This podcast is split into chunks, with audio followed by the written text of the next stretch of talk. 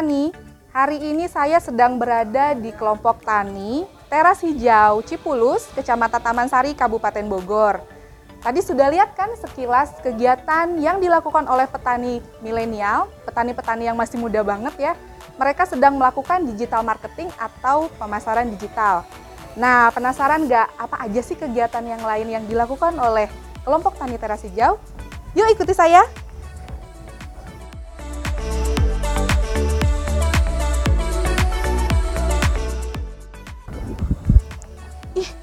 Bagus banget guys. Ini tanamannya bisa polkadot gini daunnya loh.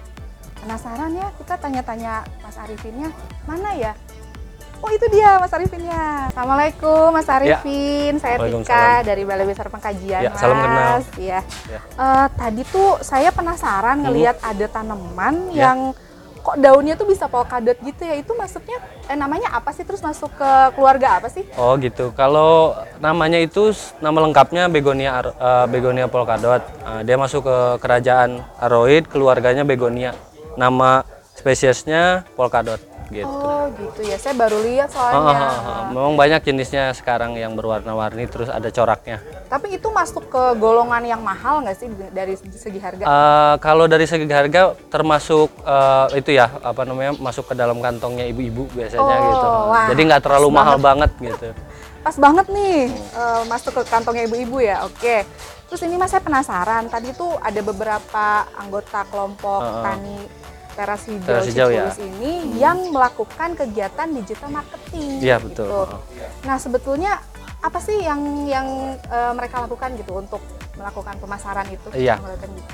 Kalau pemasaran kita biasanya eh, ada grup di aplikasi ya di WhatsApp atau beberapa juga melakukan penjualan di Facebook. Ada juga kalau yang sudah eh, tingkatannya lebih bagus biasanya masuk ke Instagram gitu. Karena memang pasarnya itu orang-orangnya lebih eh, yang lebih ibaratnya mi- nominalnya lebih kuat itu di Instagram. Kalau di grup itu antar kelompok tani, mungkin ada juga pembeli-pembeli yang reseller yang menjual kembali gitu. Nah itu digital marketingnya biasanya kita moto tanamannya, lalu videokan kondisi tanamannya, lalu kita promosikan di uh, media sosial yang kita punya. Gitu. Pasti banyak dong yang Iya, Mbak. followernya mungkin jadi customernya juga betul, betul. gitu ke sini. Nah biasanya apa tuh yang paling banyak diburu? Ibu-ibu ya, yang Ah. paling memburu ya? Kalau ibu-ibu mungkin ya itu tadi seperti begonia polkadot karena terbilang uh, mudah, terus uh, murah juga gitu. Jadi ngerawatnya tuh bisa di uh, nggak perlu banyak nyita waktu atau aglo karena aglo tuh di cukup ditanam, yang penting medianya rapat dia tumbuh dengan subur seperti ini gitu. Terus juga harganya lumayan terjangkau. Atau ada lagi tanaman gantung kayak ini ya apa namanya potos marble. Jadi dia tanamannya nanti menjuntai banyak gitu.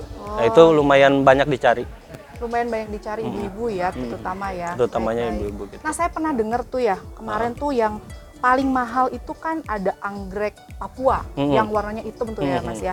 Terus ada juga monstera. Iya, nah di sini monstera. punya nggak? Uh, monstera kebetulan ada, tapi uh, untuk yang parigata itu karena memang kan kelangkaannya, jadi memang harganya juga memang yang memulai tren tanaman hias ini salah satunya adalah monstera dan sony parigata. Kebetulan contoh daunnya ada yang Contoh daunnya hijau ada. seperti ini. Boleh lihat nggak? boleh, Mas boleh silakan, Arifin? silakan di sebelah sini mbak, Oke oke. silakan. Nah, Mas Arifin, saya penasaran banget ya, kok kadang-kadang nih eh, harga tanaman hias itu tiba-tiba mahal banget. Sampai saya pernah dengar monstera tuh 20 juta ya, pernah ya sampai segitu. Nah, sekarang landai lagi nih, tangan lagi nih. Itu kira-kira kenapa sih? Bisa cerita nggak? Ah, sebenarnya awal mulanya itu eh, kenaikan harganya itu ketika pandemi covid terjadi. Nah waktu itu kan semua atau pemerintah umumnya di dunia eh, memperlakukan lockdown. Nah, Nah tren di Eropa itu mungkin karena orang di sana eh, uangnya berlebih, jadi mereka untuk merasa eh, baik gitu di rumah, mereka mencari hobi baru. Kebanyakan dari orang Eropa itu bikin greenhouse, ruangan eh, untuk di dalam rumah itu untuk nyimpan tanaman. Nah dari situlah eh, demannya atau permintaannya itu masuk ke hampir seluruh dunia termasuk yang paling besar adalah di Thailand sama di Indonesia. Makanya harganya pada saat itu ketika viralnya itu si uh, Monstera Adansoni itu sampai puluhan juta. Satu daun bukan dalam bentuk yang banyak daun. Terus juga beragam. Akhirnya masuklah ke jenis yang lain. Karena kan itu tadi saya bilang dari aroid uh, kerajaannya lalu ke keluarganya di monstera di philodendron juga ada aglonema semuanya kebagian hampir semua jenis tanaman pada saat itu laku bahkan yang jenisnya pohon aja ikut laku pohon laku dan segala Oke, jadi tadi kan em, mereka itu dari hobi gitu ya, Iya. dari hobi terus juga gabut juga kali Iya, ya gara-gara gara-gara pandemi itu. Iya, bisa. Nah, terus saya penasaran juga nih dari sekian banyak ini, tadi juga sudah diliatin kan monstera.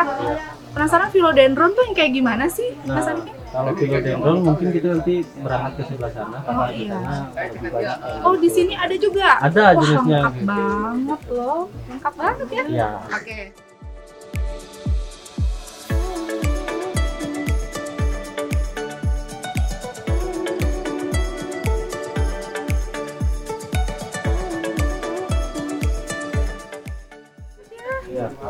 Aduh, sobat kami lihat ya, daunnya philodendron itu eh, seperti ada bercak cat putihnya. Bagus banget ya. ini salah satu keluarga kerajaan karena white princess White Princess Nah, namanya. white princess. ada juga uh, pink princess ada jadi dia dasar daunnya lebih ke arah pink Oh, tapi dia hijau sama pink gitu. ya begitu ada juga white knight pangeran putih gitu ini keluarga keluarga philodendron White Knight gitu ada juga ya. Nah, ini harganya berapa nih?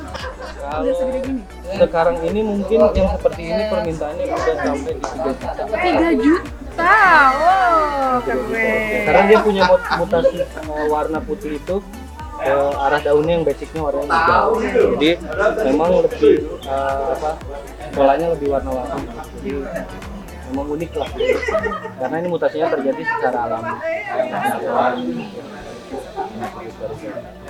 Oke, tadi philodendron ya, Mas ya cerita tentang philodendron. Nah, ini kan banyak banget nih jenisnya selain philodendron, monstera dan lain-lain. Itu pasarnya biasanya ke mana sih di, di pasar ini? Eh, semenjak ada ya semenjak booming pasarnya ada berbagai macam ada yang itu dari pasar di digital marketing kayak uh, media sosial. Ada juga pasar-pasar yang memang dibuat bazar. Oh, bazar. ada festival. Se- sebenarnya yang paling umum cara yang diberlakukan tadi kita share tanaman kita yang ingin dijual di grup di grup tanamannya seperti di WhatsApp atau kalau kita promosi mungkin yang paling itunya di Instagram atau di Facebook. Nah biasanya nanti kalau yang udah kenal tuh cek harga gitu di komen gitu-gitu. Terus kirim pesan dan sebagainya. Nah, eh, saya pernah dengar nih ya bahwa Jepang itu adalah pengimpor terbesar dari tanaman hias. Mungkin karena kan di Jepang itu pola hidup, pola kerjanya kan sangat hektik banget gitu ya, sehingga mereka butuh buat obat stres Stres, kayak iya, gitu. benar. Nah, pernah nggak nih kelompok teras eh, kelompok tani teras hijau ataupun mungkin Mas Arifin sendiri melakukan kegiatan ekspor tanaman hias ke luar negeri? Alhamdulillah ya kalau kita bicara pasarnya yang sangat luas karena di Facebook itu tadi kan orang semuanya hampir bisa lihat ya jadi uh, otomatis kadang-kadang ada juga tuh orang luar negeri yang nanya sama kita gitu nah kebetulan pada saat itu kira-kira bulan Desember uh, atau di November ke Desember itu ada penjualan tuh ke pembeli luar negeri. Waktu itu Jepang pernah Thailand juga ada lalu kebanyakan Malaysia. Terus ada juga beberapa kawan yang memang kan karena di sini kelompok tani meningkat, lumayan lah gitu. Itu bisa sampai ke Eropa. Bisa sampai ke Eropa. Negara mana tuh biasanya? negara yang paling sering Jerman. Rusia. Menarik sekali ya benar memang potensi tanaman hias itu sangat besar ya. Lalu apakah eh, rencana dari kelompok tani teras hijau ini teras hijau Cikulus ya mau eh, berkegiatan lebih banyak ekspor gitu? Kan itu pasti ada syarat-syaratnya tuh ya nah syarat-syaratnya apa aja sih kira-kira? Kalau syarat-syarat eh, yang udah kita jalani selama ini, nah itulah pentingnya kita ada di kelompok tani karena kan sumber informasi akhirnya jadi datang dalam bentuk yang beragam. Ada juga kawan-kawan yang memang eh, kalau syaratnya itu kan diekspor kita harus punya CP. Sementara kalau untuk personal dalam beberapa orang kan untuk bikin CP mungkin ada yang ngerasa Iya. ribet atau gimana yang waktu. Nah kita eh, ada tuh beberapa orang yang sudah punya CP dan kita akhirnya eh, minjam lah gitu. Kan itu ada administrasinya dan sebagainya. Pertama kita harus punya CV. Yang paling utamanya kalau ekspor itu kita harus punya satu sertifikat namanya phytosanitary certificate yang dikeluarkan sama Badan Karantina Pertanian. Lalu syarat selanjutnya mungkin nanti di survei tempat kita kecocokannya dinilai di layak, layak kelayakannya.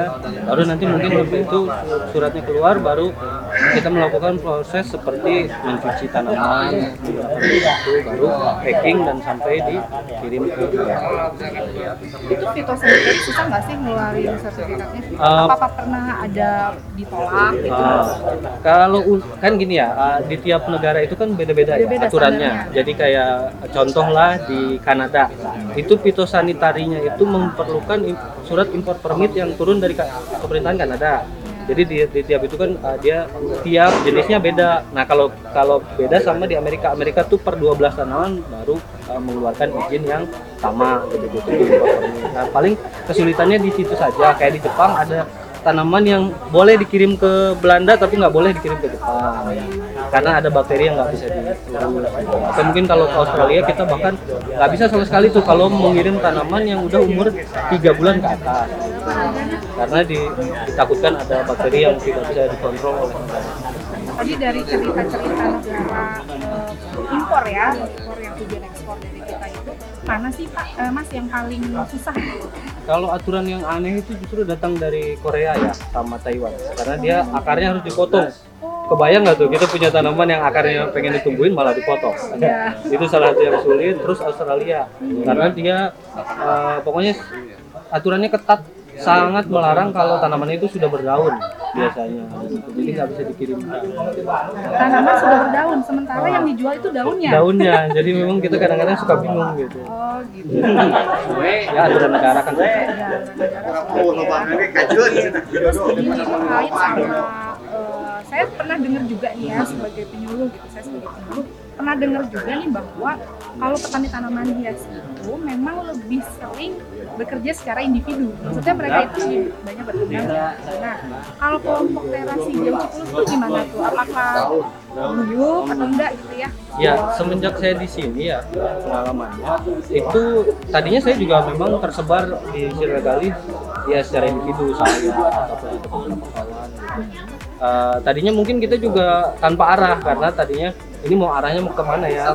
Kadang-kadang kita nggak bisa share masalah pengalaman kita nggak bisa berbagi masalah harga terkini atau informasi informasi informasi terbaru. Nah semenjak ada kelompok teras kita mendapatkan banyak manfaat tuh. Jadi kita eh, bisa membangun silaturahmi informasi juga lebih terbuka terus juga ada kekeluargaan. Ya ibaratnya kalau kita ada acara-acara apa nanti kita bisa bantu bareng-bareng. Dan eh, kebetulan juga memang semenjak di Teras Hijau Cipulus ini terlihat penjualan jadi semakin beragam eh, eh, apa namanya jenis-jenisnya. Ada penjualan di antara anggota ada penjualan sampai ke kenalan dari anggota. Banyak sekali manfaat sampai kita juga di sini mendapatkan edukasi dari para penyuluh mendapatkan pendidikan-pendidikan mengenai gimana sih media yang bagus atau misalkan gimana nih kira-kira kalau mau promosi tanamannya ataupun eh, cara-cara yang baik dalam menawarkan tanaman ke pelanggan. Wah menarik banget ya tentang kekompakan tadi dari kelompok Mas Arifin sebagai petani tanaman hias nih kan tadi dengan keunggulannya terus dengan mungkin ada harapannya juga. Nah apa harapan Mas Arifin untuk kemajuan dari petani tanaman hias? Kalau harapannya mungkin eh, satu ya, kita bisa menjadi komoditi salah satu negara dengan komoditas komoditi tanaman hias terbesar di dunia. Karena salah, salah satunya kan sekarang Thailand.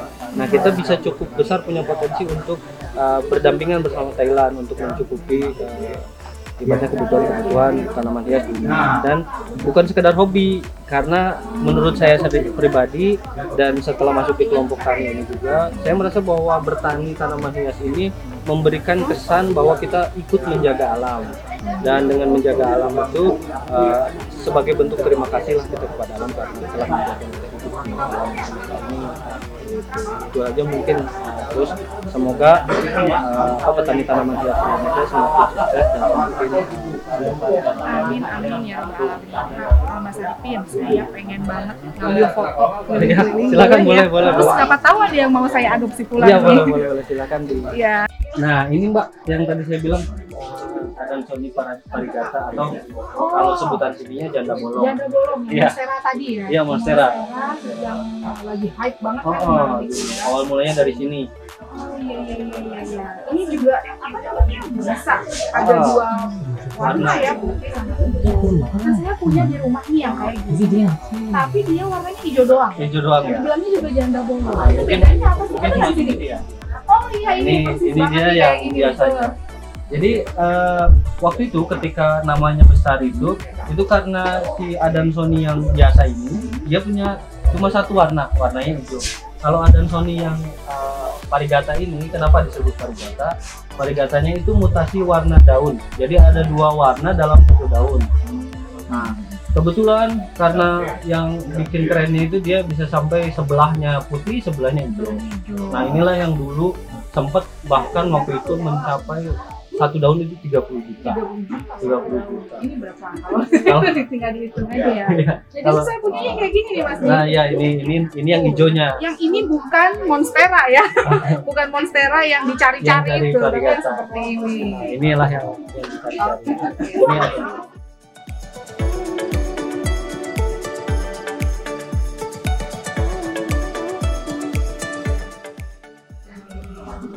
Mas. Ya. Arifin. Makasih banyak nih, saya kayaknya udah beres lihat-lihat, terus lihatnya. nanya-nanya juga. Iya. Ada banyak sekali informasi yang bisa saya ambil sebagai pemilih juga ya tentunya.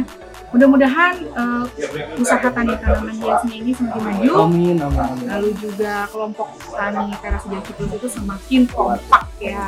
Makasih banyak Ya, ya, Mas. sama-sama. Kata orang, tanaman hias itu merupakan salah satu simbol kemakmuran, kebahagiaan, dan juga kekayaan alam.